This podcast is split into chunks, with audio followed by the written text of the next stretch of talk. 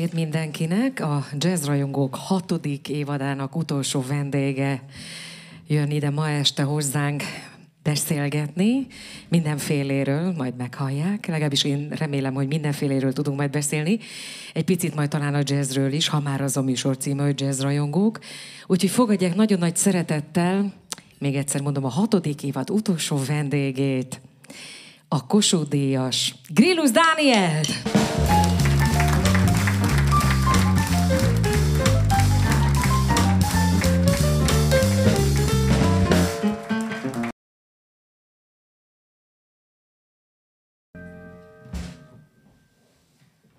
Köszönjük szépen, hogy elfogadtad a meghívásunkat. Én megköszönöm a meghívást, és szép jó estét mindenkinek. És engedd meg, hogy egy picit azzal kezdjem, hogy honnan ismerjük személyesen egymást. Milánóban együtt töltöttünk néhány napot. Ti mennyit voltatok kint a világkiállításon? Hát, talán, talán két napig. Tudom, hogy valahonnan jöttünk, és arra emlékszem, hogy Szicíliába mentünk tovább. Igen, de, mentetek tovább. De hogy Pontosan mennyit voltunk? Hát azt hiszem, hogy két-három napot. Két-három napot. Mi is azt hiszem, hogy négyet voltunk talán. Szóval együtt muzsikáltunk egymás után, a bogányi zongora mellett. Így van, az a, a híres az a furcsaság, mellett. tudják, ez az ilyen. És voltatok máskor is ilyen világkiállításon? Nekünk ez volt a zenekarral az első és egyben utolsó. Világkiállításon? Azt, hisz, azt, azt hiszem, hogy nem. Ilyen jellegű eseményeken voltunk, ahol sokféle ember különböző helyekről jött, de nem igazából a mi pályánk ez a világkiállítás. Szóval itt ez tulajdonképpen nekünk, mint verseket énekelőknek, ugye sokkal inkább az a, az a sajátunk, hogy a közönség szépen leül, csendben van, odafigyel. Igen, nagy volt a jövés Tehát amikor mi, mi külföldön énekelünk, az mindig egy kicsit ilyen egzotikusabb, bár már világ, tudom én, 40 valahány országában jártunk, de ott általában kicsit ilyen magyar népzenének, vagy, vagy világzenének fognak föl minket, és úgy elmondjuk, hogy hát miről szól az a szöveg, amit mellesleg Adi Endre írt, vagy valami, de, de nekik nem az a fontos hanem az, hogy a, a valamilyen gondolatot a muzsikánk közvetít, és azt ott is, hát ahogy tapasztaltuk ott Milánóban is mondjuk, az, az abszolút elér az emberekhez. Nyilván egy, egy magyar hallgató, vagy magyarul tudó hallgató a világ bármelyik pontján komplexebb élményt talál abban. De az is érdekes egyébként, hogy ugye bárhova megyünk a, a világon, akkor általában mondjuk nem a világon, de általában Európában úgy valamennyire értik egymást az emberek. Szóval két-három szót úgy mindenki tud a másik nyelven. Magyarul egy büdös szót se tudnak. Szóval a mi, mi nyelvünk olyan exotikus, hogy az, az nem, sem, se, egy, egy szót se értenek. Szóval el, ha elmondjuk, hogy mi, miről szól a vers, Visszadom a szó, mert most elkezdek dumálni. És de dumál, azért vagy itt, de ha hiszed, ha nem. ez, ez egyébként tényleg nagyon érdekes volt, mert egy darabig úgy hívtak minket ide-oda, sokat jártunk például Japánban, ott nagyon drukkerek voltak, vagy nyolcszor vagy tízszer, és körülbelül húsz évvel ezelőtt egy párizsi koncerten véletlenül ott volt Laszki János barátunk, akinek volt egy könyvbemutatója, ő ugye francia szakos volt, és, és ott is tanult, meg Belgiumban volt ösztöndíjas, és mondtam neki, hogy te Jani, olvasd már fel ezt a Vion balladát, meg azt a Robert Desnos verset, amit énekelünk eredetiben. Akkor derült ki számomra, hogy a francia Viont a franciák nem nagyon értik nem úgy, mint mi mondjuk a balasit, ugye még régebbi nyelv, és számunkra Vion egy 20. századi magyar költő, mert ugye Faludi, meg, meg Szabó Lőrinc, meg Mésző, meg József Attila, meg, tehát ezen a nyelven szólal meg. Még ha kicsit esetleg néhol arhaikusan is.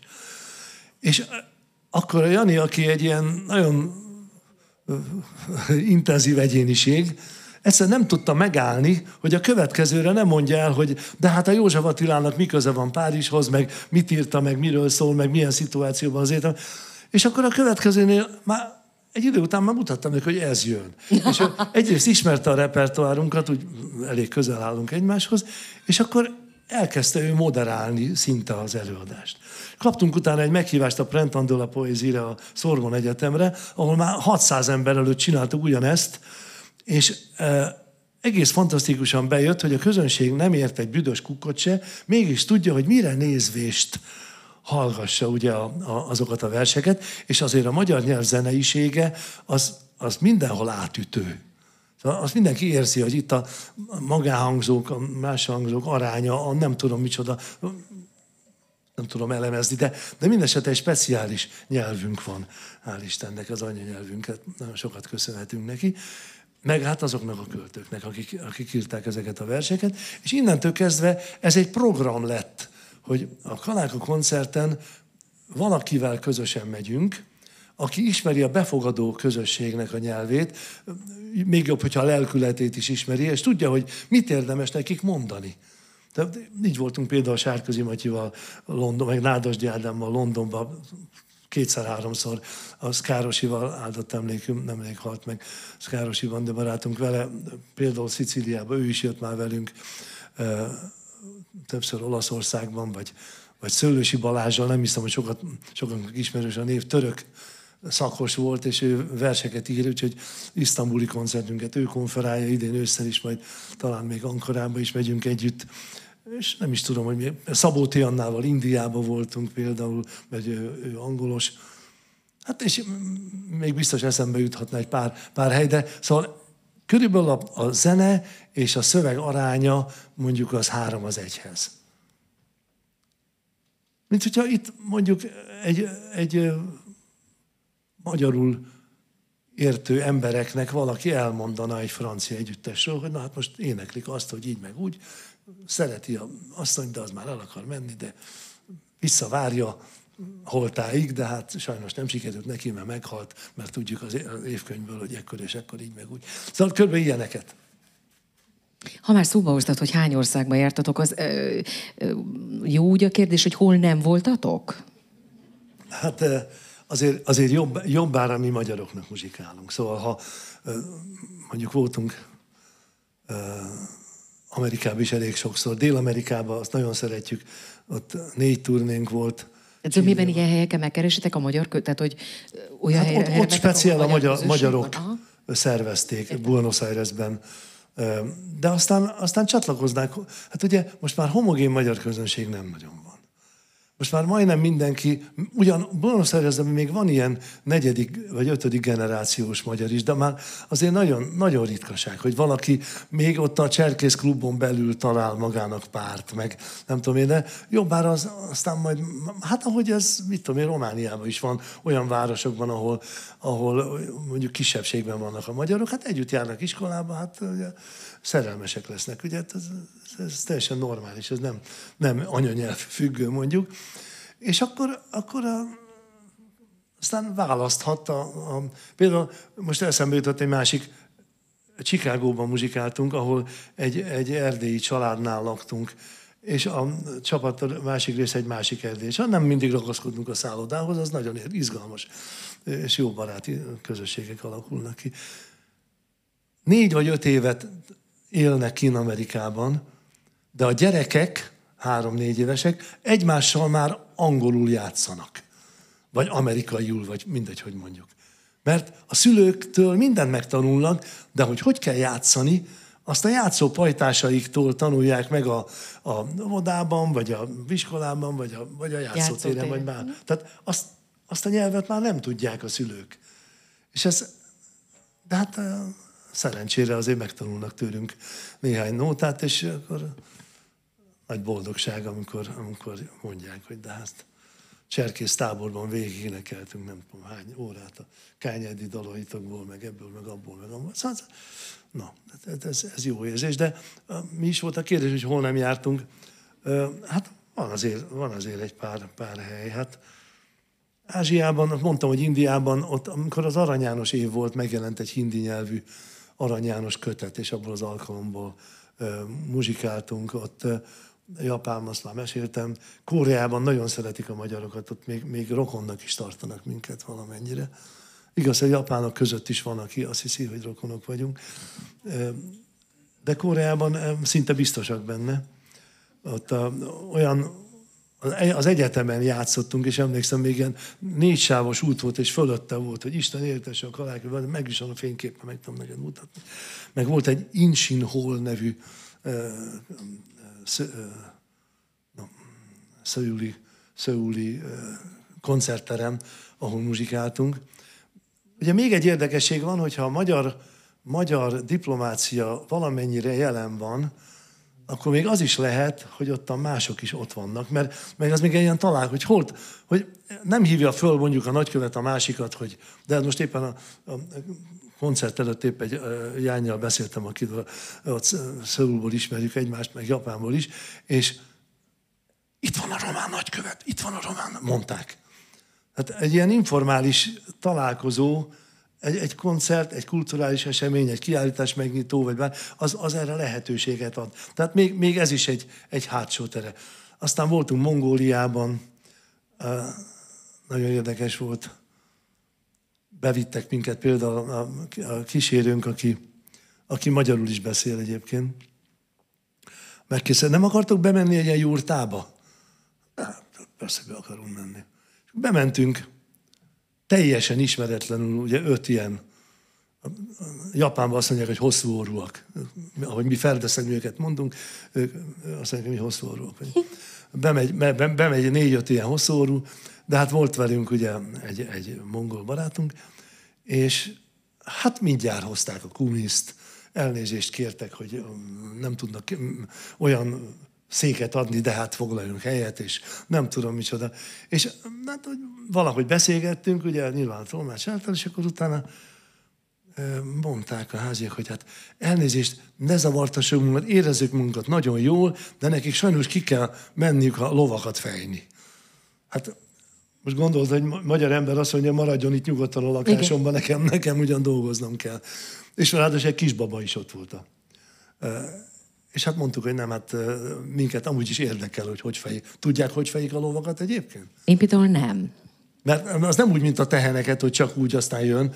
Oda kell vinni egy csikót, rá akasztani, vagy kapcsolni a, a, egy, egy nősténynek a, a tőgyére, vagy hogy hogy tőgye van a fölónak, nem tudom milyen van, és akkor ő megszívja, és akkor azt engedi neki, mert különben fájna neki, hogyha az ember elkezdené cibálni, és nem is tudja kivel. Tehát a, a, megszívja a kis csikó, és utána már le tudják fejni belül azt a, mit tudom én, fél decit, aztán mennek tovább, és akasztják a csikót a következőre, a következőre, és előbb-utóbb megtelik az a sajtár, és akkor aztán lehet csinálni a kumiszt. Ugye ez a nemzeti italuk, nem tudom, kóstolták-e már? Nem. Finom? Hát, kicsi, ki, hát olyan kicsit az aludt tej és az alkohol között valami valami, vagy bele, beleöntenék egy deci vodkát mondjuk egy aludt tejbe, körülbelül ilyen. ilyen nem jött de, meg a kedvem de a kumiszózva. de ahány kumisz féle.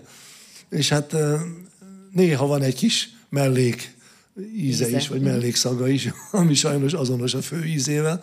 De, és akkor az, az nem annyira jó.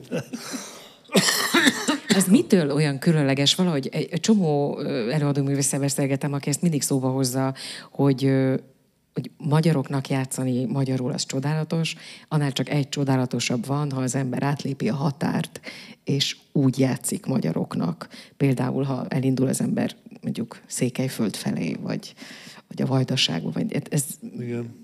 És te is ezt nyilatkoztad valahol, hogy ezt én, az mitől, egyébként ez... csatlakozom, mert most nem olyan régen a zenekarral pont voltunk egy ilyen fellépésen Szlovákiában, és és tényleg valahogy ott a magyar szónak egy picit más, igen. más a, a, az ereje, vagy más a szépsége. Múlt, vagy múlt héten volt Csíkszeredán egy koncertem, holnap Temesváron fogok énekelni, és jövő héten is lesz egy turnénk, egy kányádi műsorral, egy kiváló erdélyi Azt mondd már meg nekem, hogy hogy bírsz ennyit menni?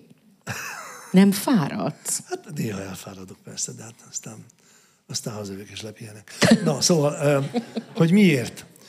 Tulajdonképpen Pesten, és általában Magyarországon mi nem vigyázunk a nyelvünkre, úgymond.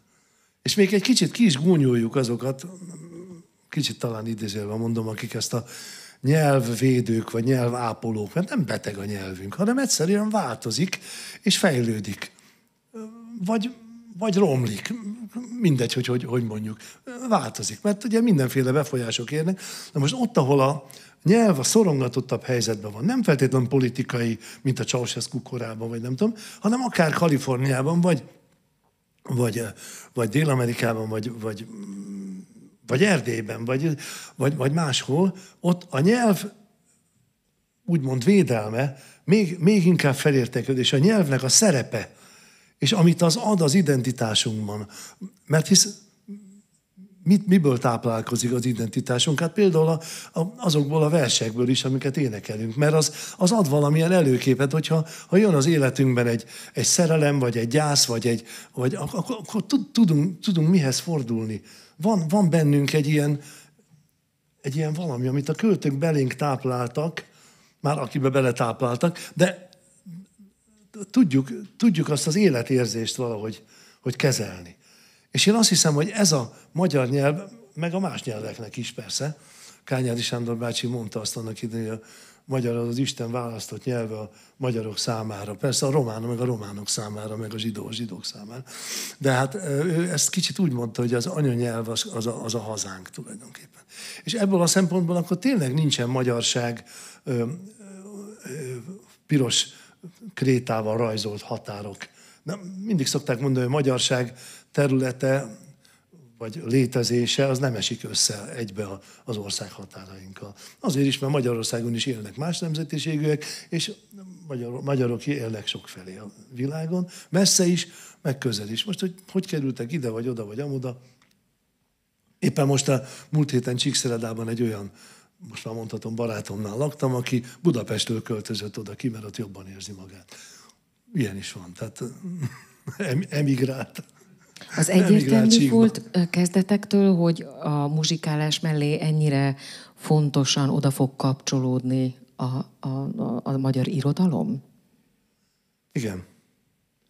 Igen, tulajdonképpen a Mikó Pista kollégád, Igen. aki a Kaláka alapító tagja volt, lehet, hogy nem 69, jól emlékszem? Jó. Én nem is éltél. De, de, de. Sajnos éltem. Igen. Igen, 69-ben alakultunk, és Mikó Pista már, aki egyébként osztálytársunk volt a általános iskolában, ő már elkezdett így gitárral verseket énekelni, ahogy Csebő Feri, meg még néhányan, és akkor, akkor, akkor alapítottuk meg az együttest, hogy no, akkor most énekeljünk együtt verseket, és hát ez, ezek voltak az elsők, Csokonai Arany János, Radnóti, József Attila talán. És aztán tágult a repertoárát, ma már több mint 300 költő van a repertoárunkon. Az jutott eszembe, hogy amikor az ember gyerekként ilyen dalokat ír, vagy hát nem tudom, mindenki írta gyerekként dalokat, én például, hogy próbálgattam, akkor, akkor az olyan kézenfekvő volt, hogy egy vershez nyúl az ember, mert hogy legalább akkor azt kipipálhatja, hogy szöveget nem, már nem kell írni. De ez látszólag könnyebbség, de szerintem meg nem. Tehát, hogy valahogy az az érzésem, de aztán javíts ki, hogyha rosszul gondolom, hogy talán egy adott versre, ami ráadásul ti olyasmi, olyan nemes anyaghoz nyúltok mindig, ami, ami ismert, és nagyon, tehát tényleg a magyar irodalom gyöngyszemei, hogy úgy mondjam, hogy, hogy picit talán még nehezebb is arra zenét írni, mint hogyha a saját dalszövegeddel dolgoznál.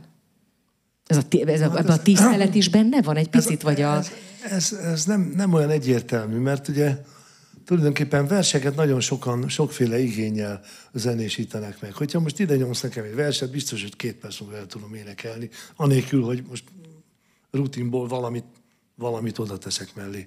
De ez nem biztos, hogy, hogy már a barátaim is elfogadnák, vagy én elfogadnám holnap is. Tehát verset elénekelni tulajdonképpen pláne egy formába öltött verset, nem egy, nem egy ördöglakat.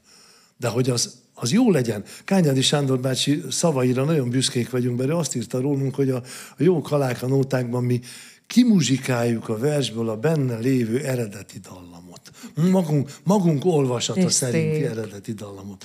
És valóban, hogy ezt az ember megtalálja, vagy nem. Mert akinek egy, ezért szoktam azt is mondani, hogy a kaláka az nem egy, nem egy stílus, hanem egy műfaj. Mert hogyha valaki azt mondja, hogy én a popzenéből indulok ki, vagy a magyar népzenéből, vagy több, szóval lehet, az nagyon jó.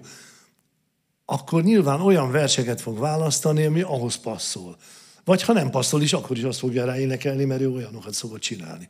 De, de mi mindig, mindig megpróbáljuk ezt a dolgot, hogy, hogy, a, hogy a verset valahogy, az is Sándor bácsitól van, hogy elegáns zenei tálcát teszünk a vers alá. És akkor úgy nyújtjuk át, és azt szeretjük, hogy hú, de milyen jó az a vers. Tehát akkor mégiscsak igazán van, nem egyszerű egy verse. Hát e...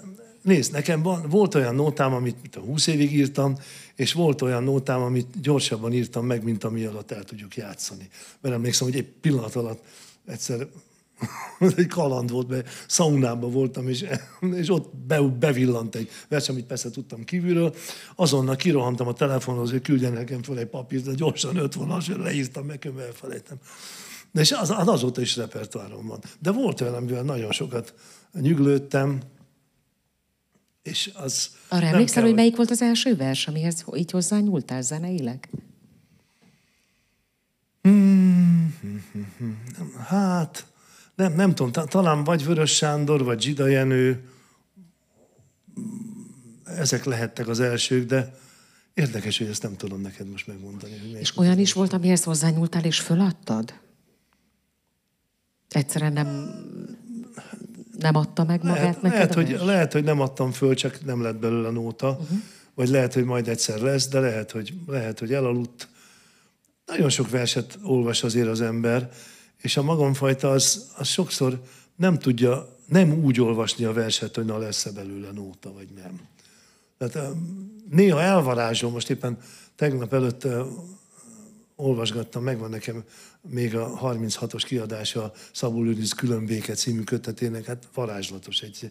Ott például el, elvarázsolódtam, és nem gondoltam a dalokra, hanem egyszerűen a, a verset olvastam. De hogyha valószínűleg, na kéne kéne valamilyen, valakitől egy vers, akkor az ember fogja a kötetet, két sort, ebből sem lesz, ebből sem lesz, és akkor lapozza tovább, hogy várja, hogy melyik, melyik szólítja meg igazából, vagy valami hasonló. Mert ugye végül is miről van itt szó? Mint egy műélményből táplálkozó mű. Tehát amiről, amiről eszembe jut valami zenei gondolat, ami, ami megszólít engem, és úgy érzem, hogy, hogy hitelesen tovább tovább tudom gondolni. Kicsit talán a műfordításhoz is hasonló, mert a műfordító is egy műélményből táplálkozó új verset hoz létre, és mi is tulajdonképpen egy versből kimuzsikálunk egy, egy, egy dalt. Hát ha már az elején azzal kezdtük, hogy ugye Milánóban ismerkedtünk meg személyesen, és ha már műfordítást hoztat szóba, most nem szeretnék műfordítói babérokat learatni, de írtam néhány standardre magyar szöveget, és ezzel jutottunk egyébként Milánóba, ahol az volt a különleges a koncertünkben, hogy nem csak hogy muzsikáltunk és énekeltem, hanem hogy amerikai standardekre írtam magyar szöveget, és magyarul énekeltük ezeket a dalokat. Úgyhogy, és azt kérted, hogy ebből a programból legyenek dalok, úgyhogy néhányat összeválogattunk, úgyhogy most jöjjön kettő ebből a bizonyos Magyar hangja Nára Erika című programból. Természetesen Berdis Tamásé volt az ötlet annak idején. Egy, itt a műpában volt egy nagy koncertünk, és ennek volt a címe ez, hogy Magyar hangja Nára Erika, mert hogy mindent magyarul énekeltem, nem azért, mert szinkronizálgattam a színpadon, de a poén nyilván erre volt. Ladies a Tramp. Nem tudom, őt miért érdekli, ugyanazt dobolja minden dalra, úgyhogy ezt, ezt szokt, miattad, igen.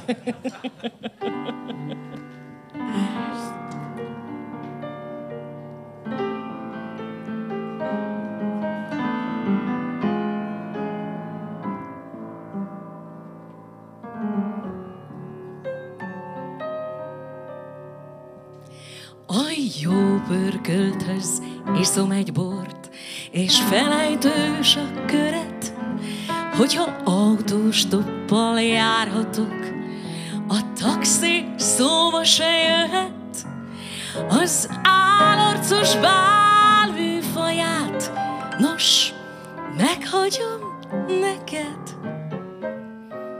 Ahogy átpasszolom, meghívom a nalkávart hegyet, a társaságot én választhatom. És jobb, ha ismered az alkatom.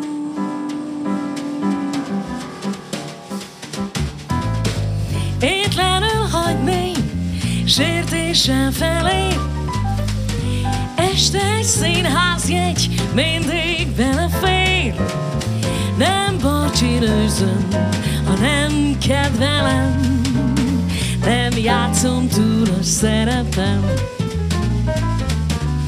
Nem vonz a póker és nem pasizom Bárokkal, örlökkel nem randizom A több világ meg csak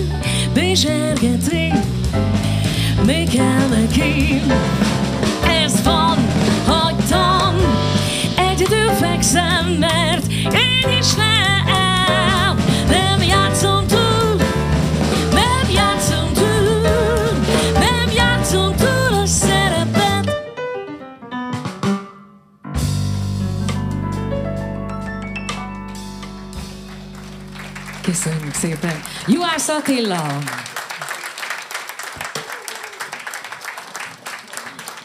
És most jön a kedvenc jazz balladáim közül az egyik leges-leges legkedvencebb, a dal címe Cry a River. Eredetileg Ella Fitzgerald énekelte tudomásom szerint elsőként, aztán persze még ezer más csodálatos énekesnő és énekes a műsorára tűzte. Többek között Michael Bublé, azóta újra világsláger, ezért is nagyon szeretjük Bublét, mert hoz egy új dalt, és akkor mindenki újra felfedezi, hogy milyen csodálatos sláger, többek között a Cry Me a River.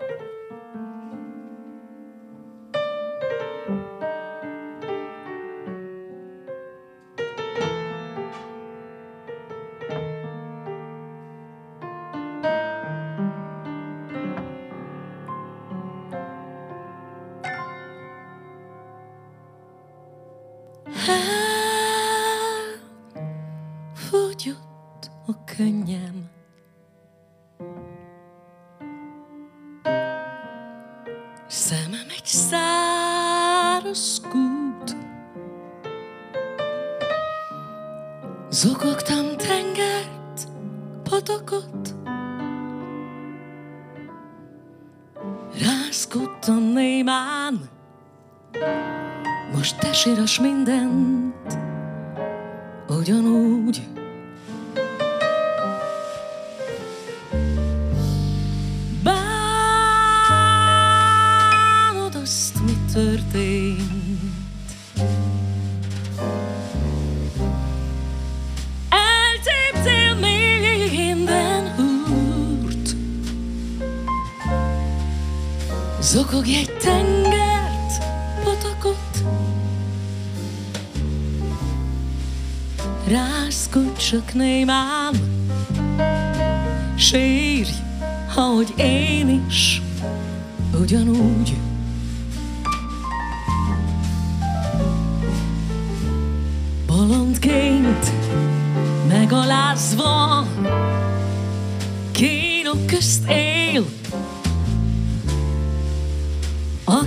akinek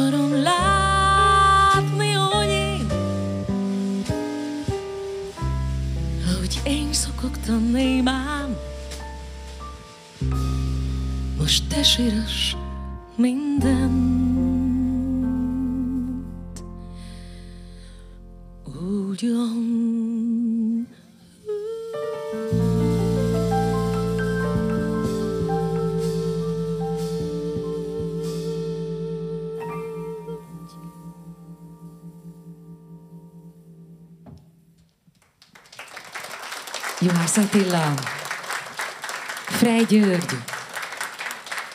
Berdix Tamás,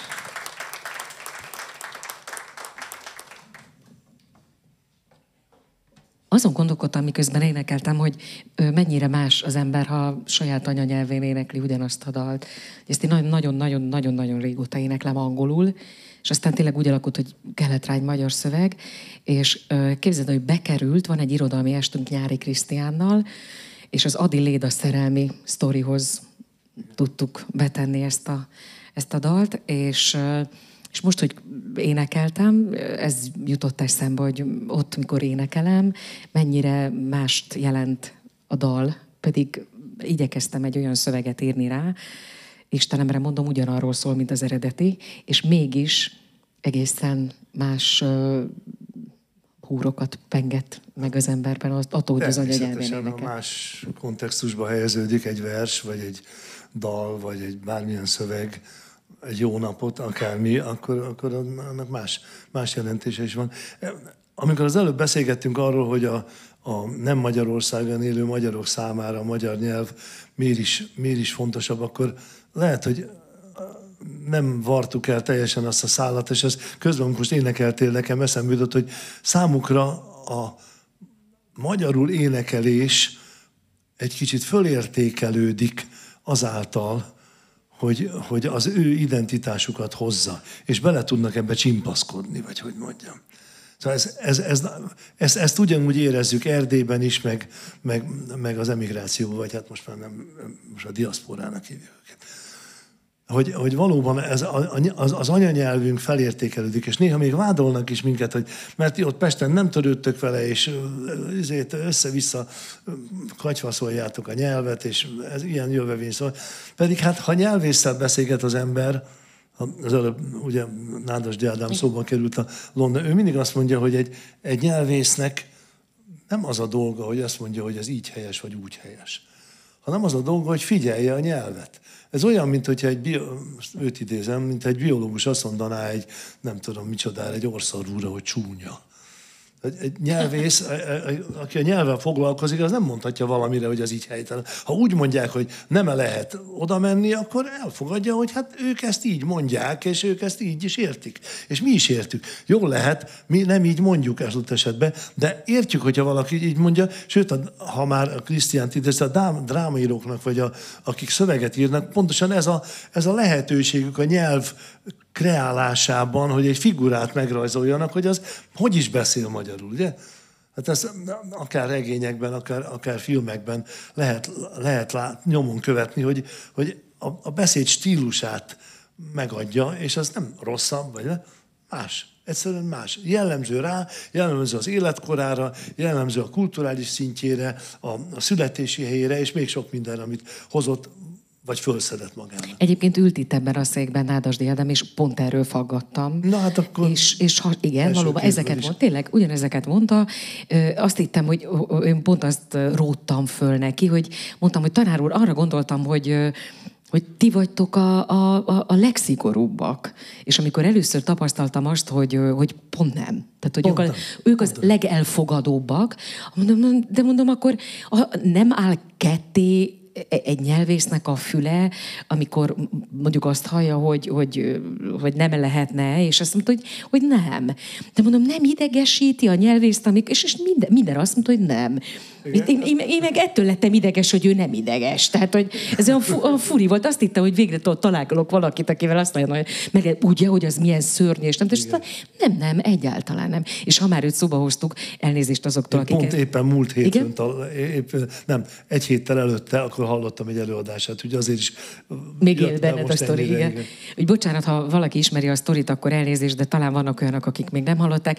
Azt is megkérdeztem tőle ezen a bizonyos esten, hogy, hogy amit a, a Vion kapcsán jutott eszembe egyébként, hogy a franciák nem értik Viont, mert annyira és a nyelv, és egyszerűen már vannak szavak, amik már nincsenek az élő nyelvben, és nem tudom. És kérdeztem tőle, hogy mit csinálnak az angolok Shakespeare-rel, mert nekünk könnyű dolgunk van, ugye mindig újra fordítják, és Arany Jánostól Kosztolányin át, aztán Mésztő, és sorolhatnám a, a mai élő írókat, a műfordítókat, akik hozzányúlnak, és tényleg 21. századévá teszik a szöveget. De mit csinálnak az angolok? És akkor annyira cuki volt, azt mondta, szenvednek. De egyébként azt mondta, hogy ez se igaz, mert ott is már azért hozzányúlnak az eredeti szöveghez. Hát biztos hozzányúlnak. Ha már, és azt tudod, hogy az angol meg a székely beszélget, hogy milyen, milyen borzasztó, hogy lánk, leírunk valamit, és egész mást kell mondani, mert például leírjuk, hogy hakespevar, és úgy kell mondani, hogy Shakespeare. Azt mondja a székely, semmi nálunk úgy írjuk, hogy Sfintu Georga, és úgy ejtjük, hogy Sápsi Szángyat.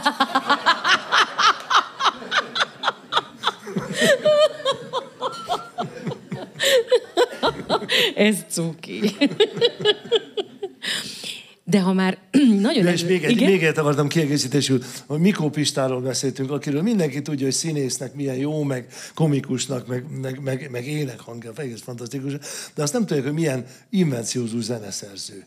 És akiket esetleg ez érdekel, régi kaláka dalok vannak, amiket akkoriban nem nagyon volt lehetőségünk lemezt kiadni, de még most is tudjuk, fura módon, amit tavaly előtt írtunk, azt néha már elfelejtjük, de ezeket a 50 éves nótákat, és éppen most, most szombaton, tehát ma, ma van kedd, ugye, vagy szerda? Csütörtök van? Csütörtök. Uh, igen, De szóval kiszámolja. Holnap, holnap, holnap után a Marcibányi téren, ahol nekünk az állandó klubunk van, ma is akusztikusan játszunk, mint 50 évvel ezelőtt.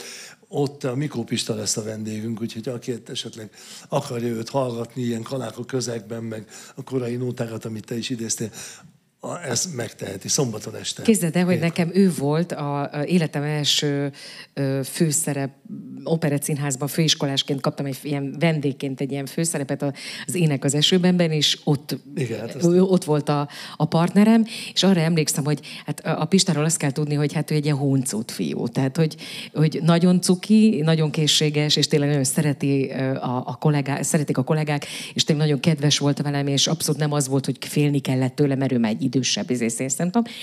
Viszont hát kezdő színésznőként, hát az egy bo- borzalom vo- volt, hogy azt látni, hogy ő iszonyatos, ő, ő az, aki improvizál, ő az, aki mindig berak egy kis finom poént. Ma már nyilván... Mert nem jut az eszébe az. Nem akartam ezt mondani, igen. De hogy minden esetre hát azt kezdőként lekövetni egy ilyen partnernek a, a játéket, tehát ez nem volt egyszerű, de nagyon szórakoztató volt. Tehát, hogy civilből nagyon jót tudtam rajta nevetni a színpadon is, mert olyanokat csinált, de tüneményes pali egyébként, igen. Igen, nagyon, nagyon szeretjük egymást. A mi alapozásunk, ugye az egész kalákáé tulajdonképpen a Kodály módszerből jött valahogy, mert mi a Lorántfi zeneiben jártunk, az volt az első olyan eh, zenei általános iskola, amit Kodály Zoltán alapított Budapesten, mert ugye az első Kecskeméten volt, és eh, amikor oda jártam én is, Pista egyel alattam járt, ahova Radványi Balázs is járt ugyanabban az osztályban. Öcsém kettővel, Vilmos kettővel alattunk, és Bece Gábor, aki az egyedüli olyan muzsikus a, a kalákában, akinek valóban ez a szakmája, mert ő jazz tanszakon végzett, Bece Gábor a nagybőgősünk, ő is Lóránt zene is volt, csak ő nem végzett aztán műegyetemit, mint mi. Ez most azért volt érdekes, mert most hétfőn itt volt egy a műegyetemi szimfonikus zenekarral egy közös koncertünk itt a műpában, ahol, ahol hát előjött a rektor úrtól éppen ma kaptam egy nagyon kedves eh, köszönő levelet, és hát nekünk is ilyen fura volt bemenni a K épületbe próbálni, ugye lementünk oda a tornaterembe, én is játszottam annak idején a műegyetemi szimfonikus zenekarban, én klarinétos voltam. Jó, akkor ha már Mikó Pistát szóba hoztuk, és a kezdeteket, 69, ugye? 69-ről beszélgetünk. Igen, nagyon, nagyon fura, ez, éppen, ez nem is olyan régen, talán két hete vagy három hete jutott eszembe, nem fogok erről sokat beszélni, csak gondolj bele, 1969 csak 13 évre volt 56-tól, amikor mi megalakultunk. És mi, mi már azt hittük, hát fényévekre vagyunk onnan. Igen. Most, hogy így...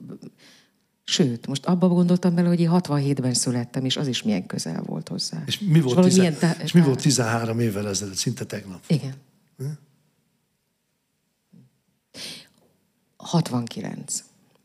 Már még, de azért már, az már nem 56. Ebben megegyezhetünk. Nem, Tehát ott már nem, sokkal... Hát, csak a, Volt valami megkötés, ha már így szóba hoztad, hogy, hogy akkoriban még 69-ben bármi, ami mondjuk tiltólistán volt? Nem. Az általános iskolában én azon kevés osztályok közé tartoztam, mert hogy 50-ben születtem, és pont 56 voltam elsős, hogy az első osztály, osztályképünkön egy Kossuth címer van rajta. Az évszámmal és a tanítónénivel, meg a többiekkel. Ö, Megkötés nem volt, meg hát mindenki érezte, hol a plafon. Szóval nem volt ez olyan, olyan mizé, nem, mi nem voltunk ilyen forradalmár alkatok, és ha mi Arany Jánost énekeltünk, vagy, vagy Adi Endrét, akkor mindenki mögé hallotta azt, amit mögé akart hallani. Ugye mi az első erdélyi turnénk 1981-ben volt. 81, a legbadabb Ceausescu idő. És akkor énekeltük a Velszibárdokat, énekeltük József Attilától a levegőt. Hát hogy szólt az ottan? Hát mindenki tudta, miről van szó, de hát nem lehetett belekötni. Szóval mi, mi nekünk volt egy ilyen alibink, hogy hát, de kérem, nem én írtam, ő írta. És, és kulturális örökség, 19. század, tehát mindenki. Elmesélem az egyik legszebb ilyen áthalásos sztorit. Volt a Kalágon koncerteken nagyon gyakran a, a hogy ez a Vörös Sándor vers, virág, hoz, most nem jött, vonzás az a címe, vonzás. Így szól a vers, rövid el tudom mondani. Hosszú a virágfűzér, kéztől kézig ér, valamennyi kézen át kezdettől végig ér.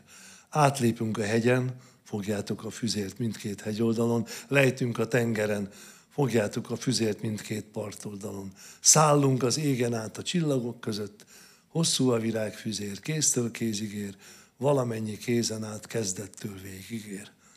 Ez egy fantasztikus vers, benne van a, az, az egész emberiség, a, ha akarjuk, a életünk, ha akarjuk. Akkor, amikor Amerikában koncerteztünk, és az át a tenger két oldalára.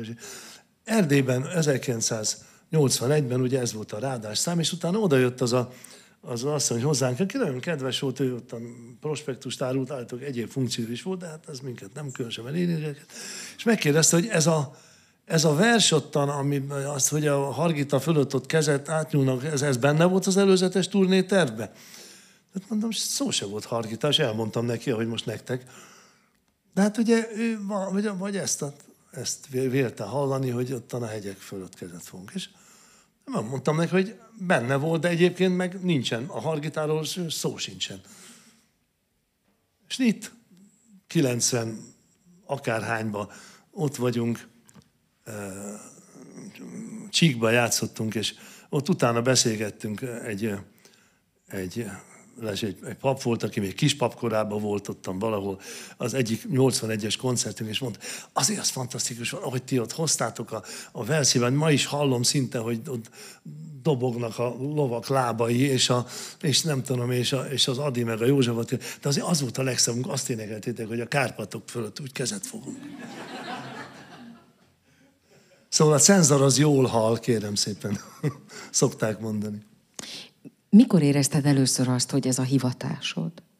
Már csak azért, mert szóba hoztad, hogy ugye a, basszú, a bűgősötökön kívül tulajdonképpen műegyetemisták voltatok, tehát valami polgári civil foglalkozást választottatok elsődlegesen. Végül is ez is az.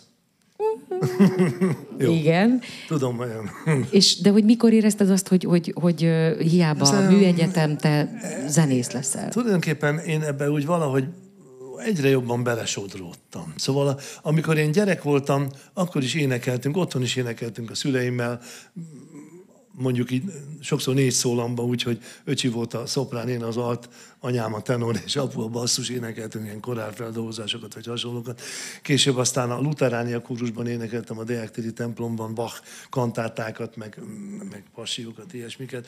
Közben a, a Kodály rendszerű általános iskolában ugye volt minden nap énekóra, kórussal, fölléptünk az Akadémián, itt-ottam ott, ott szimfonikus zenekarunk is volt, abban is abban is muzsikáltam. Tehát az életemben a zenélés az úgy mindig úgy ott volt. De aztán valahogy nem mentem konziba, mert a, a apám építész, anyám vegyész, és valahogy azt mondták, hogy ott tehát, mégiscsak egy normális középiskolába menjek, ahol a műveltség az valahogy más, mint hogyha konziba mennék. Fogalmam sincs egyébként, mert nem jártam konziba. És aztán pedig nem mentem tovább, olyan valahogy evidens volt, én matekból, fizikában mindig jó voltam, olyan menjek a, menjek a műegyetemre. Na és ott, amikor másodikosok voltunk, akkor, akkor alakult a kaláka. Elsőben még ötös voltam matekból egyébként, meg ábrázoló geometriából, aztán úgy szépen mentek le, és nagyon örültem a végén, hogy még a ketteseket sikerült begyújtani, és aztán valahogy, valahogy le is diplomáztam. Nagyon, nagyon kedves volt a, a hát ilyen tankörvezető volt első, mások, és ő volt a diploma dolgozatomnál is, és kérdezte, Grillus kolléga, ki csinálta a maga diplomáját? Mondom, tanár az Iványi Jancsi. Igaza van, cipőt a cipőboltból. Ez volt, ez volt a, Hát ilyen, Iványi Jancsi is már nyugdíjas mérnök tulajdonképpen, de, de tényleg ő, ő rajzolgatta ott, és hát a, a, nem zsűri volt, hanem hogy hívják az ilyet, tehát a vizsgáztatók pedig egy kicsit így ilyen elismeréssel is, úgy kicsit kacsintva vették azt tudomásul, hogy én mégiscsak lett, oda mentem a diplomavizsgámra, holott addigra már ők láttak a tévéből, meg mit tudom, viddíjasok voltunk, meg ilyen díjasok, meg külföldet járó zenekar, de hát mégiscsak megcsináltam ezt 1975-ben, és közben én már, mert ugye ez volt a kérdés, hogy mikor éreztem, hogy ez a pályám, hát én már nem mentem el mérnökként dolgozni. Tehát akkor már nyilvánvaló, hogy már annyira belesodródtam ebbe. Hát nem is értettem, hogy honnan tudják, ami, akkor még nem volt mobiltelefon, meg internet, meg és Csöngött a telefon a szüleimnél, hogy Debrecenből hívjuk, hogy jöjjön el a Kossuth Egyetem 1970. Honnan tudták, azt hiszem, fogalmam sincs hogy kézzel kézzel az egyetemi klubok, művelődési házak, nem tudom, kicsodák adtak. És ugye, hát kérdezted azt, hogy voltak-e nehézségek. Hát például az volt egy nehézség, hogy összesen egy tévé volt, meg egy rádió, de az volt a könnyebbség, hogy mi abban viszont szerepeltünk. Tehát most el kell mennem, ha mondjuk promotálni akarok valamit, el kell mennem legalább tíz csatornára, és még mindig nem látják annyian, mint azt az egyet, amit, amit akkor, akkor ott elmondtam valamit, az el volt mondva. De, és és ott, ott, ott hallott minket mindenki, többek között a, a műegyetemi tanáraim is, akik nagyon becsülték azt, hogy én, hogy én annak én mondom, mondom, oda járok. És közben úgy szép, szép lassan ez el is hatalmasodott bennem, hogy hát én tulajdonképpen ezzel foglalkozom, mint hát akkor én gondoltam, hogy volt olyan év, hogy 400 koncertünk volt, vagy nem is tudom mennyi. És egyáltalán nem, nem gyerekműsorokról beszélek, mert mi annak idején, amikor elkezdtük, a saját korosztályunknak muzsikáltunk, akikkel együtt ültünk a gimnáziumi padba, vagy az egyetemen, vagy szóval ez volt az első közönségünk. Aztán jóval később már a Kaláka, mit tudom, a hatodik, hetedik évében művelődési házak kérdezték, hogy nem akarunk-e gyerekműsort játszani.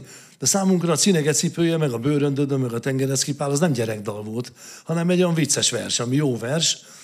Kányádi Sándor szokta mondani, hogy a, nincsen gyerekvers, meg felnőtt vers, csak vers, meg nem vers. Hát mi verseket énekeltünk, és ezek között például Tamkós Iratókári, meg Vörös Sándor, meg Kányádi, akik jó verseket írtak. Ha, ha gyerekversnek titulálták őket, azért hogy tituláltam, hogy Vörös Sándor például azt mondta, hogy ő sose írt gyerekverset mégis az egyik legismertebb gyerekvers költőként tartják számon, holott azt a Móra kiadó szerkesztői húzták össze egy kötetbe azokat a verseket, amik úgy gondolták, hogy gyerekversnek is elmennek. De hát ha valaki elolvassa a Bóbitát, hát hol, szóval gondolják végig, élet, halál, minden benne van.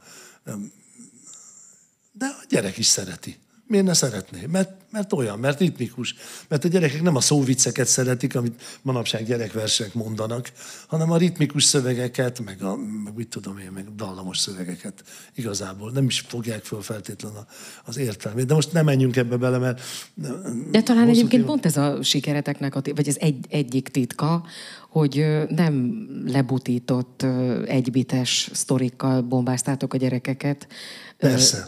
amiről nagyon sokan azt gondolják, hogy az az út, Igen. ami hozzájuk vezet, hanem hogy Igen, tulajdonképpen jól érezték magukat a, a velük ellátogató felnőttek is ugyanúgy. Igen, néha, néha még vitába is keveredünk. Most is például gyerekek, ne tapsoljatok, amikor muzsikálunk. Hallgassátok. De van, aki meg azt mondja, hogy tapsoljatok meg. Nem, ő úgy csinálja, mi meg így csináljuk. Szóval nem feltétlenül jobb vagy, vagy rosszabb, de én például azt mondom, hogy ott elől az első sort hozzák minél közelebb, hogy aki ugrálni akar, az ugráljon hátul, vagy, vagy biciklizni. Van, aki azt szereti, hogy vidék minél távolabb és akkor ugráljanak a gyerekek, mert érezzék jól magukat, legyenek felszabadultak. És nem mondhatom, hogy neki a maga szempontjából nincsen igaz, ő úgy képzeli el. Én nem úgy képzelem el, de de ettől mi még játszhatunk. Például Kányadi Sándor bácsi gyerekeknek mindig tanította, hogy semmi ágán ül szívem, kis teste, hangtalan vacok, köré ülnek szeriden, és nézik, nézik a csillagok. Azt mondta, hogy a gyerekek legalább olyan jól értik, sőt, még le is tudják rajzolni. De mi is így vagyunk a gyerekekkel, hogy értékes irodalmat akarunk adni, és azért nem, ne ugráljanak, ne biciklizzenek, de majd, majd utána, koncert után, és akkor, akkor az az jó. Nekem is jó, meg nekik is jó. Tesódat is te vitted bele a tutiba? A, öcsédet. Igen, hát a mikropistával az első próbán, mondta, öcsi hozza a csellót, aztán bassza. Persze. Hát ő tulajdonképpen az első pillanattól ott volt. Ő az elhatározás pillanatában nem volt. Ő akkor még, még érettség előtt állt tulajdonképpen. És eleinte ő csellózott akár, és amikor volt egy ilyen váltás, akkor jött a Bece Gábor tulajdonképpen, és akkor lett komoly basszus alapja a zenekarnak, és hát aztán Vili most megint játszik a csapatban, és uh, az titok, hogy hova tűnt egyébként? Hogy? Az titok, hogy hová tűnt évekre? Nem, nem titok, ez ilyen magánéleti, ugye hát az ember akkor megnősül, meg mit tudom én, szóval változik az elképzelése a, a világról, és volt egy ilyen, nekünk soha, soha nem volt a testvéri kapcsolatunkban ebből probléma, csak szakmailag volt egy ilyen, hogy kettőző, hát akkor olyan nagyon sok előadásunk volt. És akkor azt mondtuk, hogy hát, akkor ezt a Kanáka koncert, ezt vegye át a Gábor, de tovább csináljuk a Kozák Andrissal a Hamlet produkciót, a nem tudom micsodában, meg a Csikos Gabival a Vörös Sándor Arany János estet, amit a Radnóti Színházban játszottunk, meg a nem tudom micsodát, és akkor, amikor, amikor volt olyan, hogy be kellett ugrani, például a, ugye Huzella Péter játszott velünk, akit egyszer elvették a útlevelét egy évre, és akkor, akkor a Vili ugrott be helyette olyan területekről, ahol magyaroknak játszottunk, például Ausztriába, vagy, vagy, vagy felvidékre, mit tudom, és volt egy másik zenész, aki amikor folk fesztiválokra mentünk, akkor ő játszott helyette. Hát ilyen, ilyenek adódnak minden zenekar életében, hogy na most nem a Jóska van, hanem Pista, nem tudom. Volt például egy, egy nagyon... Te, te ugye Egri vagy, nem? Igen. Igen. Na ott volt egy, volt egy vendéglő, ahol játszott egy harmonikás, meg egy gitáros talán. És szerettünk oda menni vacsorázni, mert rengeteget játszottunk ott, akkor még Hosi mindnek hívták. A Én a Hosi Min tanárképző főiskola kettes számú gyakorló általános iskolájának énekzene tagozatára jártam. Szuper. Ez volt a neve Hosi Min, így van. Igen, Hosi Min. Na hát mi ott, ott sokat játszottunk, és uh, utána sokszor lementünk oda. És egy ideig nem mentünk Egerbe, és három év múlva megint, vagy mit tudom, x, x idő oda megint, és az az zenekar persze ugyanott volt. Á, de jó, hogy ti mindig itt vagy. Kiderülő közben azok rég szétmentek, az egyik Skandináviába zenélt, a másik egy másik hajón játszott, összevesztek, nem is tudom. Szóval éppen előtte egy-két hónappal megint oda mentek, és együtt. Mi számunkra az állandóság megtestesítői voltak. Tehát mi, a kaláka is egy ilyen állandóság, voltak, voltak benne kisebb kisebb lépések, de számomra egy ilyen egyfolytában folyamat, és engem úgy, úgy be, behúzott. Szóval nem volt egy pillanat, amikor én elhatároztam, na pedig akkor nekem mostantól kezdve hivatás tudatom van, hanem, hanem az úgy, úgy kinőtt belőlem, vagy, vagy belém nőtt, vagy hogy mondjam. És aztán az, aztán az így 80-ban megcsináltuk a Kaláka Fesztivál Diósgyőrben, most már a 42-nél tartunk, Egerbe lesz idén. Egyébként, mert Diósgyőri várat ugye ottan összerombolták új építés címen, és aztán átköltöztünk Egerbe. Aztán, amikor kimentek az oroszok, akkor lehetett az embernek már saját kiadót is csinálni, akkor nem függtünk onnantól kezdve a Hungarotontól, akkor lett Grillus kiadó, ennek is már több mint 30 éve. Már először az első kiadványom egyébként Pálapostól levelei alapján írtam dalokat, és arra mondtam, ez úgyse fogja a Hungaroton kiadni, na hát akkor most megalapítom a, az én saját kiadómat, és azt mondták, hogy kell egy katalógus szám.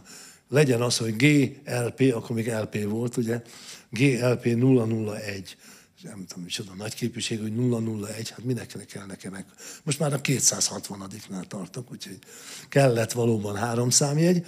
Aztán kiderült, hogy nagyon sokan örülnek egy ilyen független kiadónak. Kobzos Kis Tamás volt az első, akinek kiadtam. Aztán jött a Sebő Ferinek, azóta is én vagyok a kiadója, most készülünk a Sebő Együttes 50 című lemezre, Ferenci Gyuriéknak már vagy 15 lemezét adtam ki, és hát van egy sorozat, volt egy sorozatom, a Hangzó Erikon sorozat, amiben hát nagyon sokan benne voltak. A, a Lovasi Andris érdekelte a Lacki verseket, mi énekeltük a Kosztolányit, meg a Szabó Lőrincet, Sebő Feri, a József Attilát, Nagy Lászlót, és hát sorolhatom még, ha fölmennek arra holnap, hogy Kalák a zenebolt, van egy ilyen, most már ugyan bezártam, mert a pandémia alatt nem volt érdemes nyitva lenni, és amúgy is a CD, mint olyan, úgy lassan kimegy a divatból. De mi- De az azért interneten még létezik az üzlet, és hogyha valaki még egy-két hangzó kötet is megvan. Kányádi Sándorral mi nyitottuk egyébként ezt a sorozatot. Azt néztem, hogy az első lemezetek nagyon-nagyon későn jelent meg ahhoz képest, hogy Igen, ugye a, a Hungaroton az egy, az egy kicsit ilyen állam az államban volt, és az, Erdős Péter az nem szeretett minket, nem is, nem is tudom miért mondtam ki a nevét, mert néha azt, hogy nem mondom ki, de hát meg, meg az, a, az egész garnitúra, meg volt egy administratív nehézség is. Ugye könnyű zene, meg komoly zene. Tercia londátura, hogy mondták. Van, volt annak idején, ez a kam, Kazan László volt egy ilyen kabaré, hogy kifli zsemle, nem tudom, van, aki még emlékszel. Nincsen más péksütemény, csak kifli zsemle. Hát ez volt a kommunizmus. Most már mindenféle van. És akkor, akkor mi nem tudtunk ebben valahogy se ide, se oda tartozni, ahogy nem is tartoztunk. És 1980-ban Tóth Attila vezetésével megalakult a Hungaroton irodalmi szekciója, és onnantól kezdve lettünk mi lemez csináló együttes. Akkor aztán jött a Vion balladák, a Jeszenyin lemezünk, a, a holland költők, a Pelikán volt az első gyereklemezünk, százezeres példányszámig fölfutott, vagy valami, hát ma, már nem is lehet ilyen. És akkor utána a 80-as évek végén, akkor pedig elkezdtünk átmenni ebbe a, abba a könyvvel együtt, és akkor a Móra adta ki a Kalák a zenés könyveket, nálatok laknak-e állatok, aztán szabad bejönni de Betlehemmel, és akkor ki- 90-től meg már saját, saját magam gazdája voltam, és akkor már adtam ki, amit, amit akartam.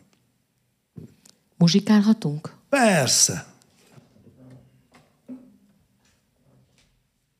Akkor most, akkor most jöjjön két újabb dal ebből a bizonyos Magyar hangja Nárai Erika című programból. Legyen mondjuk az első a, a, a, a, a, a, a Let's Face Music and Dance. Mit szóltok hozzá? Vagy pedig a... És az... Vagy pedig az Our Love is here to stay. Our Love is here to stay. Let's face? Várj, akkor vissza kell lapozzak. Jó. Igen?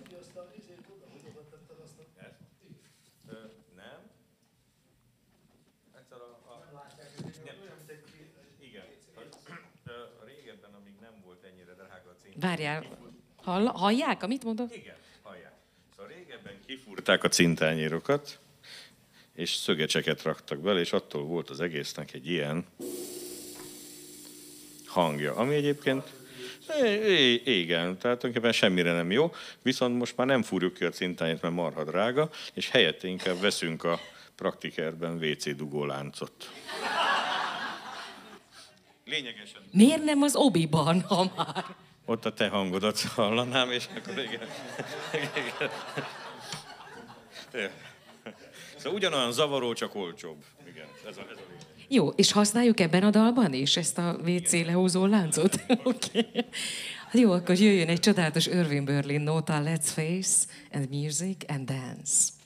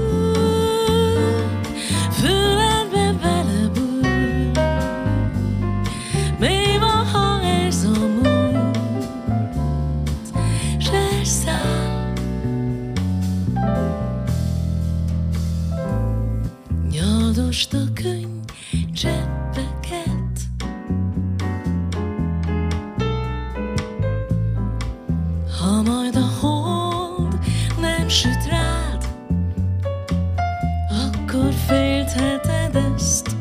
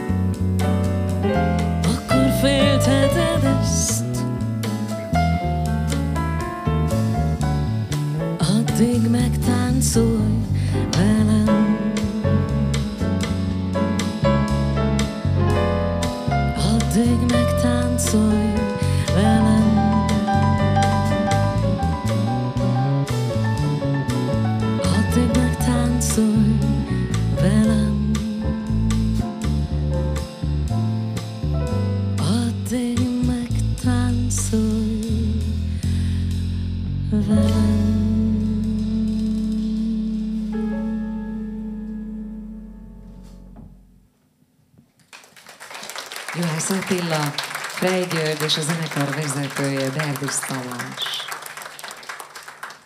Mr. Paganini, a dal címe, és ha már Ella Fitzgeraldot szóba hoztam az elején, akkor most engedjék meg, hogy újra megtegyem. Azt hiszem, ha van dal, amit szinte csak hozzá kötünk, és ezt még egyszer mondom, a jazz műfajában viszonylag ritka, akkor az a Mr. Paganini. Úgyhogy most jöjjön ez, szintén magyarul.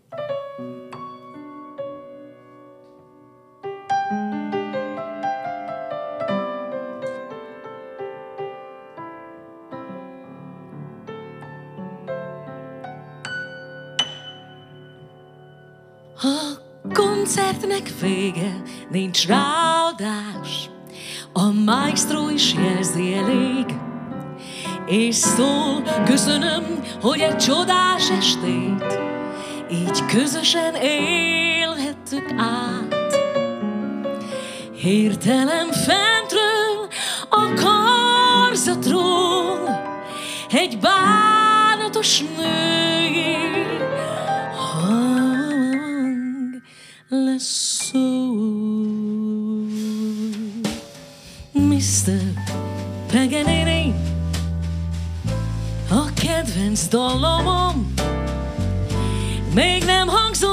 és ezt nem hagyhatom. Nem baj, ha tudolja, vagy egyszerűen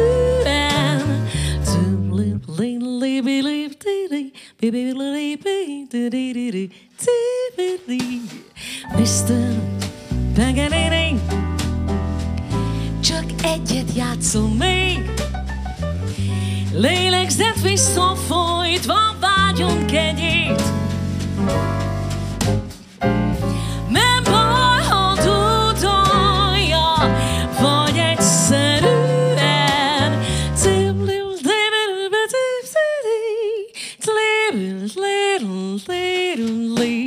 Lett a hangszereit, rég tokjába zárta már. Még könnyes szemmel, könnyes szemmel á, á, ámulunk, hisz senki így nem játsza, nem interpretálja. Oh, I never can watch moonlit skies, but never get the fireflies. And don't, mint Paganini, ő ezerből is kéri, így senki nem mesél, csak ő ezt tudja. Felőlem tudolja, vagy egyszerűen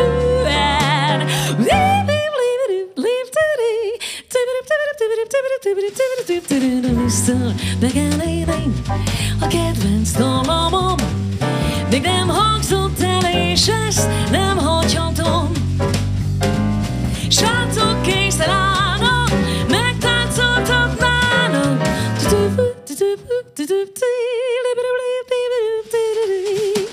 Mr. Beginning, csak egyet játszom még. Lélegzett visszafolytva vágyom kenyét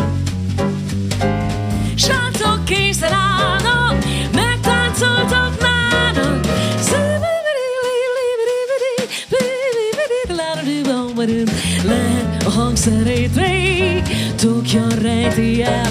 Még könnyes szemmel, könnyes szemmel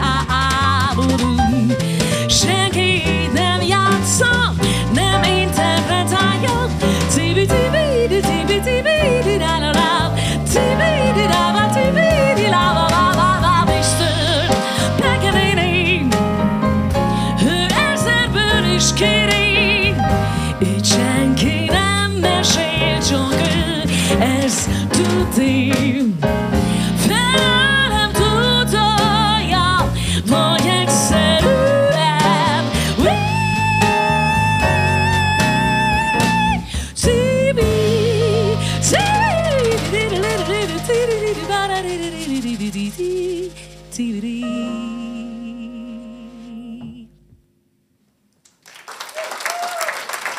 Köszönöm.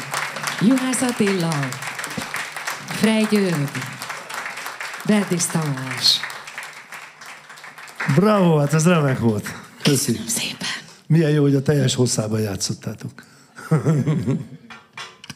De egyébként ez tényleg egy ilyen tanulmány, el lehet hallgatni eleve egy tanulmány egy jazzénekesnőnek, de vannak dalai, amit tényleg érdemes úgy megcsinálni, egy szinte egy az egyben, pedig hát ez tényleg nem jellemző a jazzre, hogy, hogy szoktam mondani, hogy ugye az ember mindig megpróbálja a saját kis világára átkonvertálni ezeket a, ezeket a dolgokat, mert akkor van értelme a epigonnak lenni, az nem olyan jó pofa, hogy úgy mondjam, ebben a műfajban. Meg hát akkor mindenki... se könnyű. Nem, könny, nem könnyű, nyilván nem, de hogy a cél nyilván az, hogy az ember, amikor elkezdi ezt a műfajt tanulni, akkor megtanulja ugyanúgy, ahogy az eredeti előadó, aztán egy picit másképp énekli, és akkor az évek alatt úgy lefoszlik róla az, amit ő nem érez belőle úgy magáénak, és hozzáteszi a saját. Hát az nyilván valami kis improvizatív elem mindegyikben marad azért. Hogyne, hogyne. De, de a, a, a, a, a Paganini-t azt képzeljék el, hogy mindenki szinte, aki hozzányúlt, ez nagyon érdekes, legyen az a Celine Dion, aki egy popénekesnő egyébként, vagy, vagy a Natalie Cole, aki egy, egy fantasztikus jazzénekesnő volt, mindenki szinte ugyanúgy énekli, rajtam kívül, mert én magyarul éneklem, ugye, és tudomásom szerint senki nem énekli magyarul, de hogy mindenki ugyanúgy nyúl hozzá, hogy az Ella tette. Olyan, mint egy picit ilyen tisztelegnének a, a, a, a jazz nagyasszonyának ezzel a Mindenki dallal. magára húzza egy kicsit a Igen, nótát. igen, igen. És hát tényleg fantasztikus sokat lehet belőle tanulni egyébként, hogyha az ember ezekhez a régi nagy csodákhoz hozzá mer nyúlni. De hát Igen, tulajdonképpen ez színésznőként is nyilván Igen. egy kicsit közel kerülsz a figurához, vagy ha mi, mi magunkat mondom, mi, mi is a verset, azt előbb-utóbb, mintha sajátunknak éreznénk, úgy, úgy próbáljuk elmondani. Van neked két csodálatos gyermeked, az egyikből is, és tulajdonképpen a másikból is. Hiába, ugye hát a, a Dorka színésznő, fantasztikus színésznő, de bizonyos értelemben azt kevesebben tudják róla. Hát ő is egy ze- zenész lett, hiszen énekel zenekar élén. Hát a fiat Samu meg Jöhet. muzsikus. Igen, Dorka színésznő volt jó sokáig egy Roadfront nevű zenekar, ő volt a énekese, de máshol is volt. Én játszott musical főszerepet is még Kaposvári időszakában. És hát ma is néha van, hogy énekelünk, van közös lemezünk is, vagy, vagy ilyesmi. Amikor a, itt a műpában volt a Kalák 50. jubileum koncertje, és az első részt a Budapest bár adta, akkor ott ő is énekelt két nótát. Tehát nem szakadt el a zenétől, most éppen most vagy, vagy Lengyelországban, vagy Ausztriában van, de, de az biztos, hogy valamit filmez. Tudom, mert elment már a hét elején, meg a múlt héten is. De régebben úgy volt, hogy ő Berlinben lakott, és amikor itthon volt valami munka, akkor hazajött. De mióta ugye gyerekei vannak, van egy egész kicsit tündéri unokám, az Áronka, most másfél éves még csak. Most inkább az van, hogy Magyarországon lakik, és hogyha munka van, akkor megy ki. Hát most elég nehézkes így menni, gyerekkel, meg gyerekvigyázóval, minden, de hát ez ezzel jár. Most csináltak éppen a, a Kornéllal férjével egy, egy ilyen felolvasó színházat, valamiféle ilyen nagyon nővédő család mm, erőszak elleni küzdelemben fogant regény, meg nem mondom, hogy pontosan mi a címe, de ha fölmennek az ő oldalára valahol, akkor biztos, hogy el lehet érni. Fogják játszani. Itt ott, ott. Na. Milyen apa vagyok, mi, hogy nem tudom Ne, fontosan. ne, ne, ne, ne. Aki akarja, úgyis megnézi. Ma De tényleg borzasztó aktivitáson dolgok vannak benne, hogy mi- mikre képesek néha a, Követhetetlenek is, nem? Egyébként amúgy is. A családon belül, szóval borzasztó egy történet.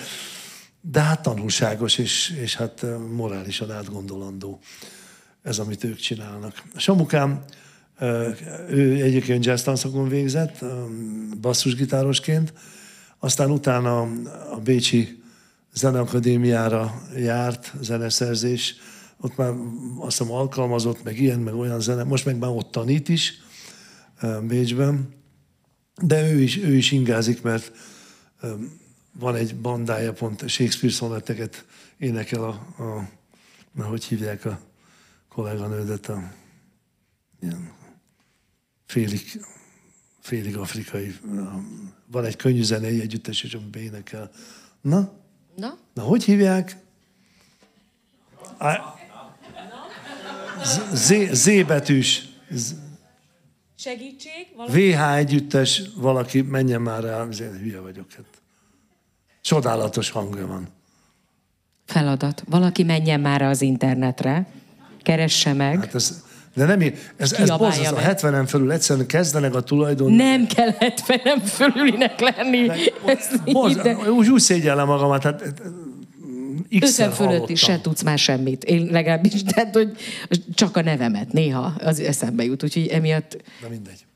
Ö, és, és hangszerrel, és zenéket ír. Most egy fantasztikus projektje volt tegnap, ö, valamikor a hét elején a Magyar Zeneházában, ugyanis volt többször Tajvan egy kicsi szigetén, ahol még csak nem is mandarin nyelven beszélnek, hanem még egy saját nyelvük is van, és az ő kultúrájukkal foglalkozott most egy ilyen EU-s projekt, amiben ő is benne volt, és ezeket hozták el most ide a zeneházába is, meg Bécsbe volt egymás utáni napon koncert, egész fantasztikusak voltak, táncoltak, volt benne metálzenekar, komoly zenébe átmenő, ilyen tao nyelvű, nem tudom milyen kultúra, nem tudom elmesélni az egészet, de lenyűgöző volt, a, a, a, amit műveltek. Egyébként pedig van neki is egy fesztiválja, ez az Átlátszó Hang nevű kortárs zenei fesztivál. Itt is szokott lenni néha a műpában valami esemény, és ő a, a sound paintingnek, ami egy ilyen e, mai zenecsinálási módszer, van mit tudom, ezer vagy hány gesztus, amit a, a zenészek, ha tudnak, akkor le tudnak követni. És tehát tulajdonképpen ott születik a darab, még akkor is, hogyha a karmester fejébe előre, előre el, el, elképzelődik, hogy mitől, mi fog történni, de a, az, hogy milyen hangokat játszanak, pontosan azt csak a zenészek tudják. A, a karmester különböző kézjelei alapján megírni. Lehet, hogy nagyon bonyolult, amit elmondtam, paintingnek hívják. Keressenek utána a telefonjukon. És, és ha van, van rá alkalmuk, akkor nézzenek meg egy előadást, akár az Átlátszó Hangfesztiválon, vagy Samu más, más koncertjein. Volt még egy családi lemezünk is, családi kör volt a címe, ahol Samu basszusgitározott, Vilmos öcsémmel együtt, és Dorka is énekelt rajta.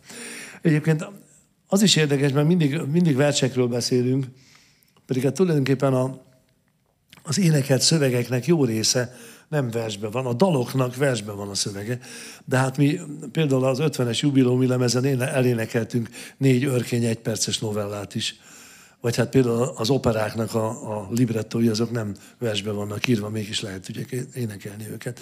Hát prózába, vagy költői, nekem is van egy másik lemezem a teljesség felé, az Vörös Sándornak egy költői prózája, lehet így mondani, de minden esetre nem, nem szótak számba szedett versek. Ezeket, ezeket nagyon szép dolog, ezeket is énekelni, és ki lehet hozni belőlük is a zeneiséget. Ugyanúgy, mint a versekből. Talán kicsit máshogy. Nem is tudom, miért mondtam el, de elmondtam. Nem, az jutott még, azt akartam megkérdezni a gyerekeiddel kapcsolatban, hogy amikor megtudtad, hogy ezt a pályát választják, az egy olyan családban, mint amilyen a tiétek, ugye a feleséged és színházi ember. Az egy ilyen boldogság, vagy inkább ilyen szorongató érzés, hogy a, a hát, francba nem ússzuk meg a gyerekek is ezt a Feleségem, Kővári Katalin rendező, rádiós is volt, dokumentarista is, most is még tanít színészeket, de azt mondta, hogy ő már nem akar többet rendezni, rettenesen tiltakozott az ellen, hogy a Dorka színi pályára menjen, mert azt mondta neki mindig, hogy ez még akkor is boldogtalan, ha sikeres, és minden növendékének azt mondja, hogy csak akkor menjél színésznek vagy színésznőnek, ha tényleg nem tud semmi mást elképzelni az életedben. Mert ha kicsit is el tudsz képzelni mást, akkor már, akkor már határeset. Az, hogy Samuka zenész lesz, az elég valószínű volt már ilyen felfújható műzébe lúvbalongitárral is, játszott már gyerekkorában, és itt valóban tényleg mindig a, mindig a zene érdekelte, különböző szinteken volt neki is metal zenekarba játszott meg, itt-ott játszott meg, nem tudom, de, de nagyon, nagyon szereti, amit, amit mi csinálunk, és hát én nagyon sokat köszönhetek neki, mert például azt az említett teljesség felét, ami egy ilyen tényleg költői prózája Vörös Sándornak egy hosszú ciklus, ebből én kivettem néhány mondatot, és erre komponáltam még a 80-as években egy, egy lemezt, ez 88-ban jelent meg, amikor Sanyi bácsinak a 75. születésnapja volt, és amikor az én 60. születésnapom volt, akkor a Samukám ezt meghangszerelte a barátaimra, egy tízfős csapat, vagy tizenegy talán, és, és kilencen énekeljük a barátaim, akik tulajdonképpen kicsit a kiadóhoz is tartoznak, úgy ültünk a színpadon, mond, most már 14-szer előadtuk, nemrég a zeneházában játszottuk februárban, itt a műpában is háromszor játszottuk, hogy Botmiki, Ferenci Gyuri, Sebőferi, Sebestyén Márta, attól én, Szirtasa Dinamókus, Szalóki Ági, Bognár Szilvi, Paja Bea. Az még énekesnek is jó csapat, és hát van rá lehetőségünk talán, hogy még előadjuk. Amikor ez az 60. születésnapon voltak, azt hittem, hogy egyedi alkalom. És azóta már 13-szor vagy 14-szer adtuk elő, és megint van érvényes meghívásunk, úgyhogy, úgyhogy tovább, tovább él a dolog. Nagyon nehéz, tehát zsákból, ha hát ezeket nem lehet egyeztetni. Ugye. Van, van is mindig beugró, hol, hol ebbe a szerepben, hol abba, hol a zenészek között, de hát ott is vannak klasszikus zenészek, népzenészek, jazzzenészek is, és hát úgy így, így muzsikálunk egy teljesen egyedi, egyedi felállás. Én, amikor csináltam ezt a lemezt, akkor én magam citára kísérettel írtam meg, és aztán fölvettem, volt egy ilyen kis soksávos kazettás magnum, akkor még talán van, aki emlékszik rá, hogy volt egy ilyen hanghordozó is, és akkor azzal rájátszottam a fúvós hangszereim, meg klarinét, tárogató, pánsit, meg furuják, meg egyebek, és akkor aztán úgy vettük föl a stúdióban, hogy még Tolcsai Laci mellé játszott szintén egy-két dolgot, és volt egy tablás. És aztán most pedig ennek egy ilyen szimfonikus zenekari megszólalása van, ami szintén egy lehetőség. De egyébként Samu kalákadó nótákat is ültetett át szimfonikus zenekarra, mert volt egyszer a Miskolci Szimfonikus Zenekartól egy felkérésünk, hogy legyen egy közös műsorunk, és erre megszületett ez a Hangol már a zenekar című lemez. Egyébként tudom már, hogy miről jutott eszem az őrkény, mert pont ezen a családi kör lemezen Dorka elénekeli a Fiaink című őrkény egyperces novellát, amit, amit én citera kísérettel írtam szintén. Hát, hogy innen jutott eszembe, hogy, hogy hát azt is, azt is lehet. Annyi talán nem szoktam beszélgetni a vendégekkel odakint, pont azért, hogy ne kérdezzem meg, amit itt szeretnék benne megkérdezni. Nagyon helyes. De, igen, de, de azért pár szót váltottunk odakint, és én már attól elszérdültem, hogy felsoroltad, hogy a jövő héten hova mész. És mondtam, hogy hogy, tehát, hogy, hogy bírod ezt a rengeteg munkát, és akkor azt mondtad, hogy hát sehogy, rosszul vagy jól, tök mindegy, kipihenni magát az ember, és megy tovább. De ennél sokkal szörnyűbb volt az, amikor nem volt semmi, és otthon ültünk a pandémia alatt. Nagyon megviselt? Nézd, amikor, amikor pont itt voltunk a nem a Nemzeti Színházban adtuk elő a kányádi estünket március 9-én Bogdán Zsoltal, talán már idéztem a kiváló kolozsvári színész, és az volt 9-én, és másnap volt a lezárás. Én amikor a Kaláka 50-es lement, az az egész évad, iszonyatosan telepakolva mindennel, száz, csak felnőtt koncertből volt száz. Ebben ebbe volt egy ilyen Kaláka 57 határon át, meg volt egy dél-amerikai turné, volt, csináltunk egy új lemezt, voltunk Isztambulban, voltunk Rómában, muzsikálni, szóval tényleg nagyon sok. Na azt mondtuk, hogy most csinálunk legalább két hónap szünetet. Hát kicsit hosszabbra sikerült. De aztán nagyon érdekes volt, hogy a, mindjárt a járványnak a második vagy harmadik hónapja, szóval a harmadik hónapjában egyszer csak írtam egy nótát úgy, hogy nem is tudtam róla, hogy írom, mert álmodtam egy dallamot. És fölébredtem, könnyű a mobiltelefonba beledudoltam, másnap átküldtem Laszki Janinak, és lett belőle egy olyan, olyan nót, amit én mindjárt föl is énekeltem, mint én karantén videó, vagy valami ilyesmi. 50 ezeren látták, én is tudom hányan. És akkor, akkor ezt talán látta is még más is, és a Várkert Bazártól kaptunk egy ilyen meghívást. Nagyjából ennek a nótának az alapján, hogy a nagy hét minden napjára írjunk egy dalt. Hát az egy olyan, olyan zsúfot képzel, de mind, írtam, egy, írtam egy nótát, átküldtem Janinak, utána elővettem a tegnap írott nótát, azt megtanultam, fölvettem, elküldtem a Várkert bazárba, és másnap ugyanez volt. Ez így mond virág vasárnaptól egészen húsvét hétfőig. Hát, e, nagyon jó volt, nagyon jó volt, tényleg, e, de annál terhelő, megterhelő ritkán volt az ember életében. És aztán ezt most kifogjuk, kiegészítettük, mert hozzátettünk már egy, e, az egész, egész évet belevesszük, mert egy adventi dallal fog kezdődni, aztán egy karácsonyi, lemegy ez a húsvét ünneppel, és még, még egy pünkösdivel fejezzük be, és az egésznek egy imádság keretet adtunk, ezért az a címe, hogy vagy ez, vagy nem, hogy imádság reggeltől estig, vagy dicsőítés, szóval valami hasonló címe lesz majd, és remélem, hogy jövőre majd lesz lehetőségem.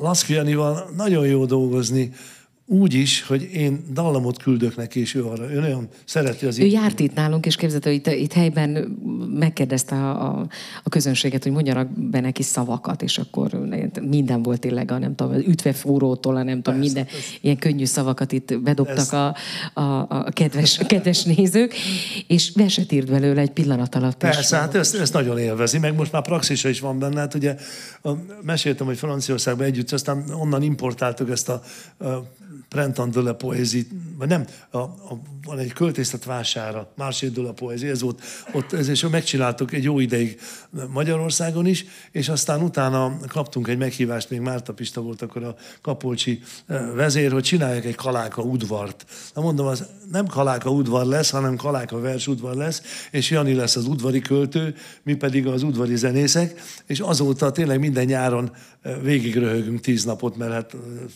fergeteges egy pali ez a, a Jani. Éppen tegnap Győrben volt egy közös műsorunk, ahol, ahol szintén feladtam egy népdalt, és közönségtől kért szavakat, és a népdalra írt egy azokból a szavakból csinált verset. De hát két perc alatt. De most már eléggé megvan a praxisa hozzá. És ö, tényleg van olyan, van olyan költő, aki nem nagyon szereti azt, hogy a, egyrészt az improvizálást nem szereti, mert ő szereti megrágni, átemészteni, áthúzni magán a dolgokat, és csak akkor, amikor már tényleg. Jani pedig könnyű kézzel mindjárt kidobja, és már úgy értem, hogy nyilvánossá teszi, utána lehet, hogy kidobja, de az egy másik kérdés. És, és nagyon, nagyon szereti azokat a kihívásokat, hogy én bármilyen ritmus képletet merek neki írni, mert ő egész biztos megtalálja rá a, a formát. Tehát nem csak a klasszikus formákat, hanem, hanem saját magam elkezd. Van, mit tudom én, volt olyan, hogy a, mondjuk a, a virágvasárnép, Hozsanna, Hozsanna, Hozsanna, Pegyedicsi, Zsebzsicsi, Csincs, és akkor megírta. Hozsanna benne volt. De, tehát néha egy-egy szót bele, belemondok, én azt így képzelem, hogy a fügefa például, vagy nem tudom, és akkor, akkor a többit azt, azt hozza. És hát nagyon, nagyon élvezetes volt. De máskor is, amikor ő, ő dallamra ír verset, ő azzal el van. Nem mindenki. De örülök, hogy itt is volt, és akkor te is megtapasztaltad ezt a, ezt a, ezt a beszélgetés vége felé van egy nem, személyes kérdésem, nem tudom, lehet, hogy mindenki tudja, csak én nem, de honnan ez a különleges név, hogy Grillus? Hát kérem szépen, a, ugye az embernek sok őse van, mint tudjuk, minél messzebb megyünk a időben, annál több név van a család föl, fölmenéi között, de hát egy kitüntetett név van, amit én is örököltem.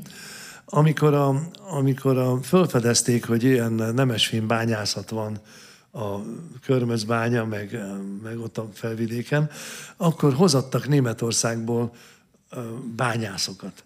Ezek közül lehetett az én apai őseim valaki, hogy hogy hívták talán grille, vagy valami hasonló, tücsköt jelent, latinul a grillus, és aztán a másik, amikor a reformáció után, vagy azzal párhuzamosan voltak ezek a humanista nevek, így mondták, ilyen görögös latin, például Melankton vagy Erasmus, ez, ez, ez ugyanakkor, vagy Vietoris, ez egy csomó ilyen név lett, Smidelius, Braxatoris, mit tudom én, az én őseim akkor vették fel a grillus nevet. Tehát valamikor az 1600-as években nyilván a protestáns vallással együtt. Besztercebányán sok ilyen sír van, vagy a pozsonyi telefonkönyvben is találnak sok Grillus nevűt. Aki elszlovákosodott, az egyellel írja, aki elmagyarosodott, az esetleg ível, vagy esszel. Az én nagyapám is ível, meg esszel írta. Ő Selmezbányán született, de aztán a család valahogy egységesítette, és visszamentünk erre az eredeti latinos írásra, hogy Y, két L és S. Hát ez, de mivel úgyis a zenéhez is valami köze van a tücsöknek, én amikor önálló estet tartok, akkor Budapesti Tücsök muzsika címen szoktam, szoktam játszani, és akkor persze Szabó Lőrinc tücsök zenéjéből is játszom valamit, meg hát még a, még a saját dalomban. Ez a, ez a nevemnek a magyarázata és annak, hogy így írjuk, ahogy írjuk. Nagyon szépen köszönjük, hogy megtiszteltél bennünket, és ellátogattál ide Köszönöm a, a jazzrajongók májusi programjára. Grillus Dániel. Köszönöm a figyelmet. Nem voltak még? Persze. Meghallgatok.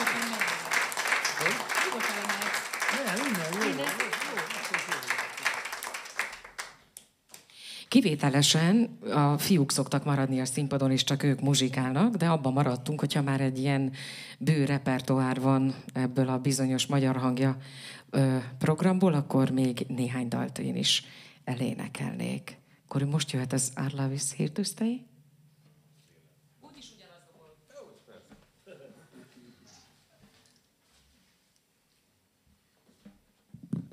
Emlékeim szerint ez egy Görsvin nóta. Igen, Görsvin.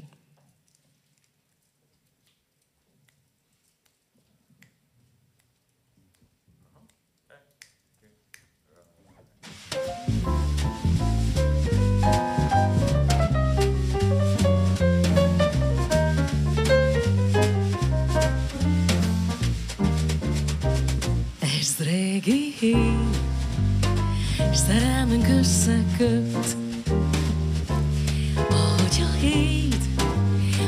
átéven a híd fölött. Illúzió, csak a szerelem, ez egy régi dal csupán, hogy minden puszta ábránt elmúlik elszáll, mert édesem, szerelmünk végtelen, nincs másik út, lépkedj csak mellettem.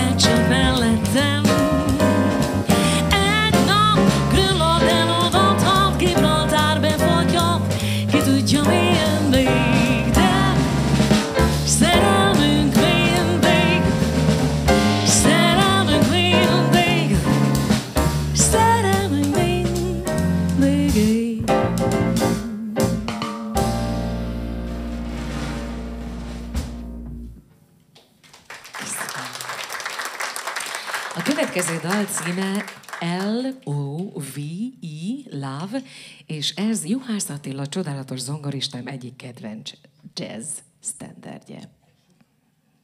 Ezt szoktuk gyerekeknek is játszani egyébként, képzeld el, csak hogyha már itt szóba jött, hogy gyerek, mi jártunk úgy, hogy egyszer egy koncertből gyerekkoncert lett, mert ö, 80 gyerek ott ült, és éreztük, hogy ha itt most mi jazzt fogunk játszani, hát akkor minimum fölkoncolnak bennünket, és akkor így kattogott az agyunk, hogy mit lehetne játszani, és akkor jött a, jött a, a, a, a Route 66, a, a Verdek című filmben elhangzik, és én abban szinkronizálok, és akkor mondtam, írtam gyorsan rá egy magyar szöveget, és akkor az hirtelen már nem jazz standard volt, hanem egy gyerekdal.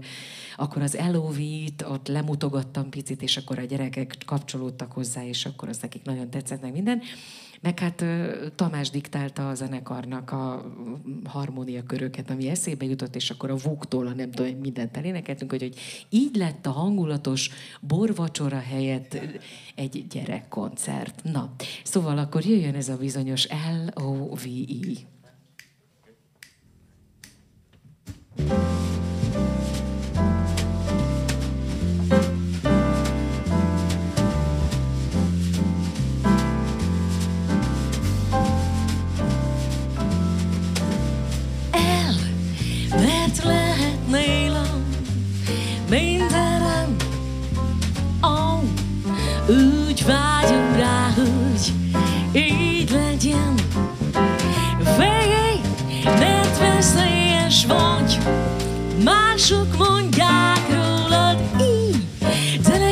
így is kell lesz.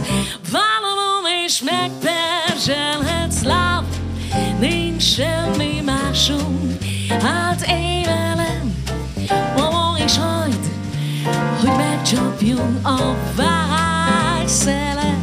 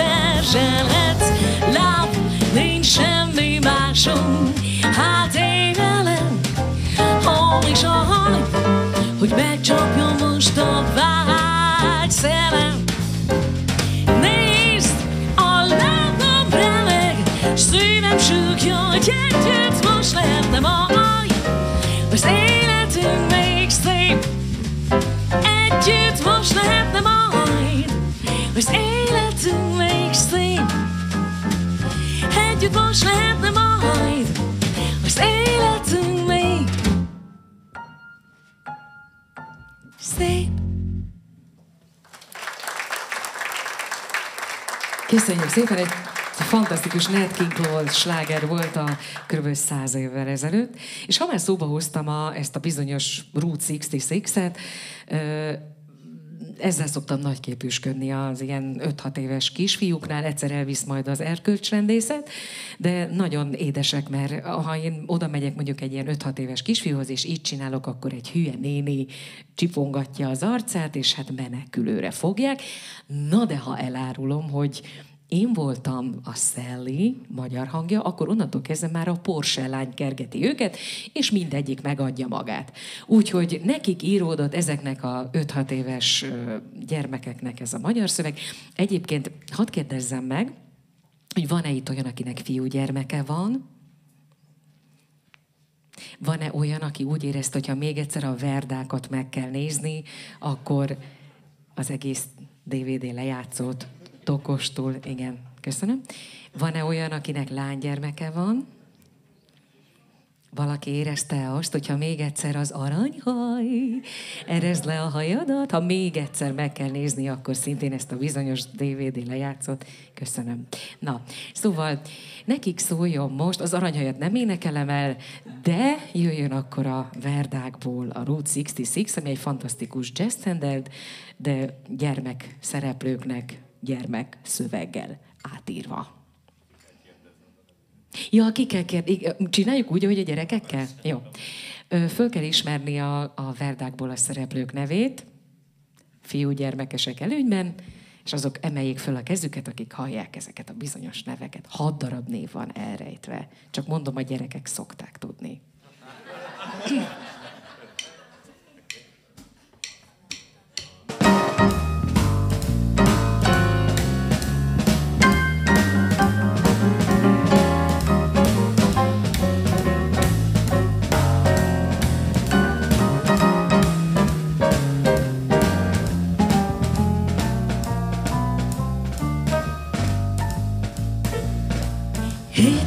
Megy, az az út, mi hozzád jut.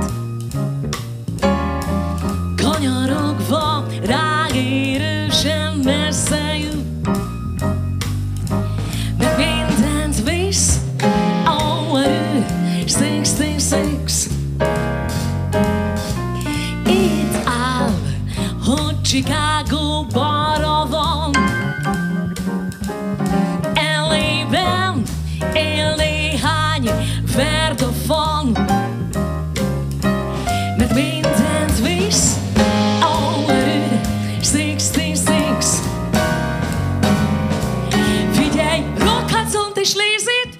she's in a case sick. You know,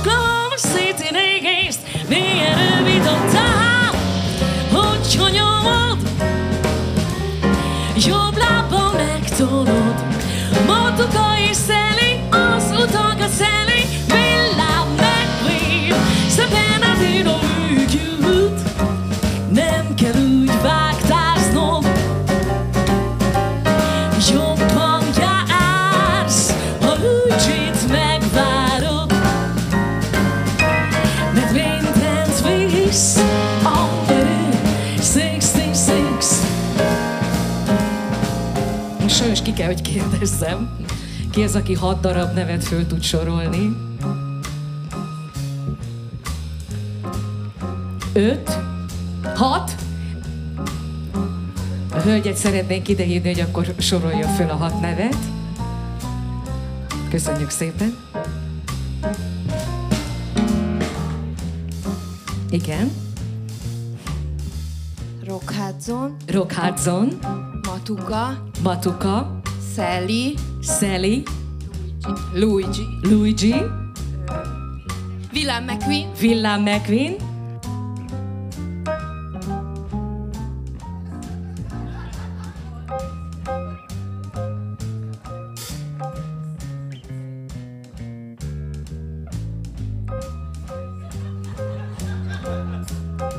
Onnan, hogy á, kiállás jó. Tehát figyelj, rockadzont és lézét, versenyzőnek hiszek, jön Oklahoma City-nek észt, milyen rövid a táv, hogyha nyomod, jobb lábbal megtolod. Matoka és Szeli, az utakat Szeli, Villám McQueen, Szemaj... Mit? Luigi, de azt bemondtad. Akkor mit nem mondtál be? Lizzy, tapsoljuk meg!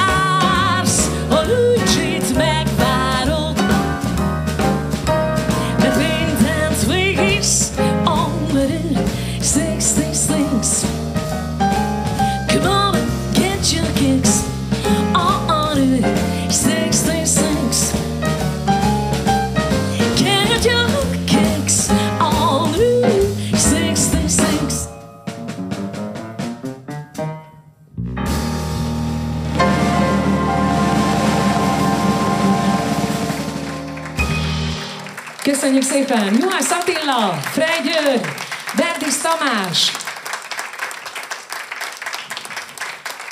és Grélusz Dániel. Köszönjük szépen! És a zenekar egy búcsúdallal búcsúzik, és egy picit szomorú hírrel én is. Ez volt a hatodik évad utolsó előadás, és úgy tűnik, hogy egy darabig nem lesz jazz rajongók. Ö, Picit átalakítjuk majd a sztorit, és ahogy kitaláljuk, hogy hogyan folytassuk tovább, természetesen a műpa felületein, és hát mi magunk is fogjuk ezt majd promótálni értelemszerűen, addig is visszahallgathatják a hat évad közel 50 vendégének. Elég sok podcast fönt van már egyébként a műpa honlapján, úgyhogy keressék és hallgassák. Tényleg nagyon-nagyon izgalmas vendégeink voltak az elmúlt hat évben. Köszönjük szépen önöknek, hogy itt voltak, és köszönjük mindenkinek, aki ez alatt a hat év alatt legalább egyszer ellátogatott ide a jazz rajongókra. Köszönjük szépen!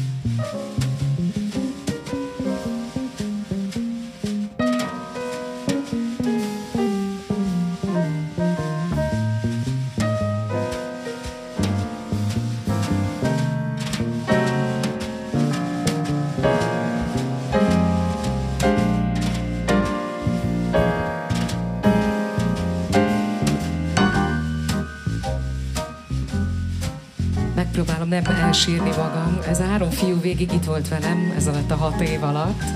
Még egyszer egy óriási tapsot Juhász Attilának, Frej Györgynek, és a zenekar vezetőjének, a dalok hangszerelőjének, Berdész Tamásnak.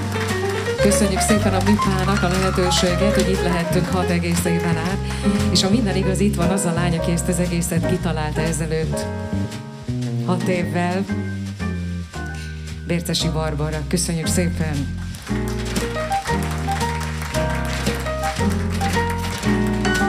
Nekünk óriási megtiszteltetés volt önöknek játszani hónapról hónapra, és tényleg csak azt tudom javasolni, hogy menjenek föl és keressék a régi beszélgetéseket, érdemes, igazán illusztris a névsor, akik ellátogattak ez a hat év alatt ide a Bohém étteremben, a MIPA épületében. Köszönjük még egyszer, jó éjszakát!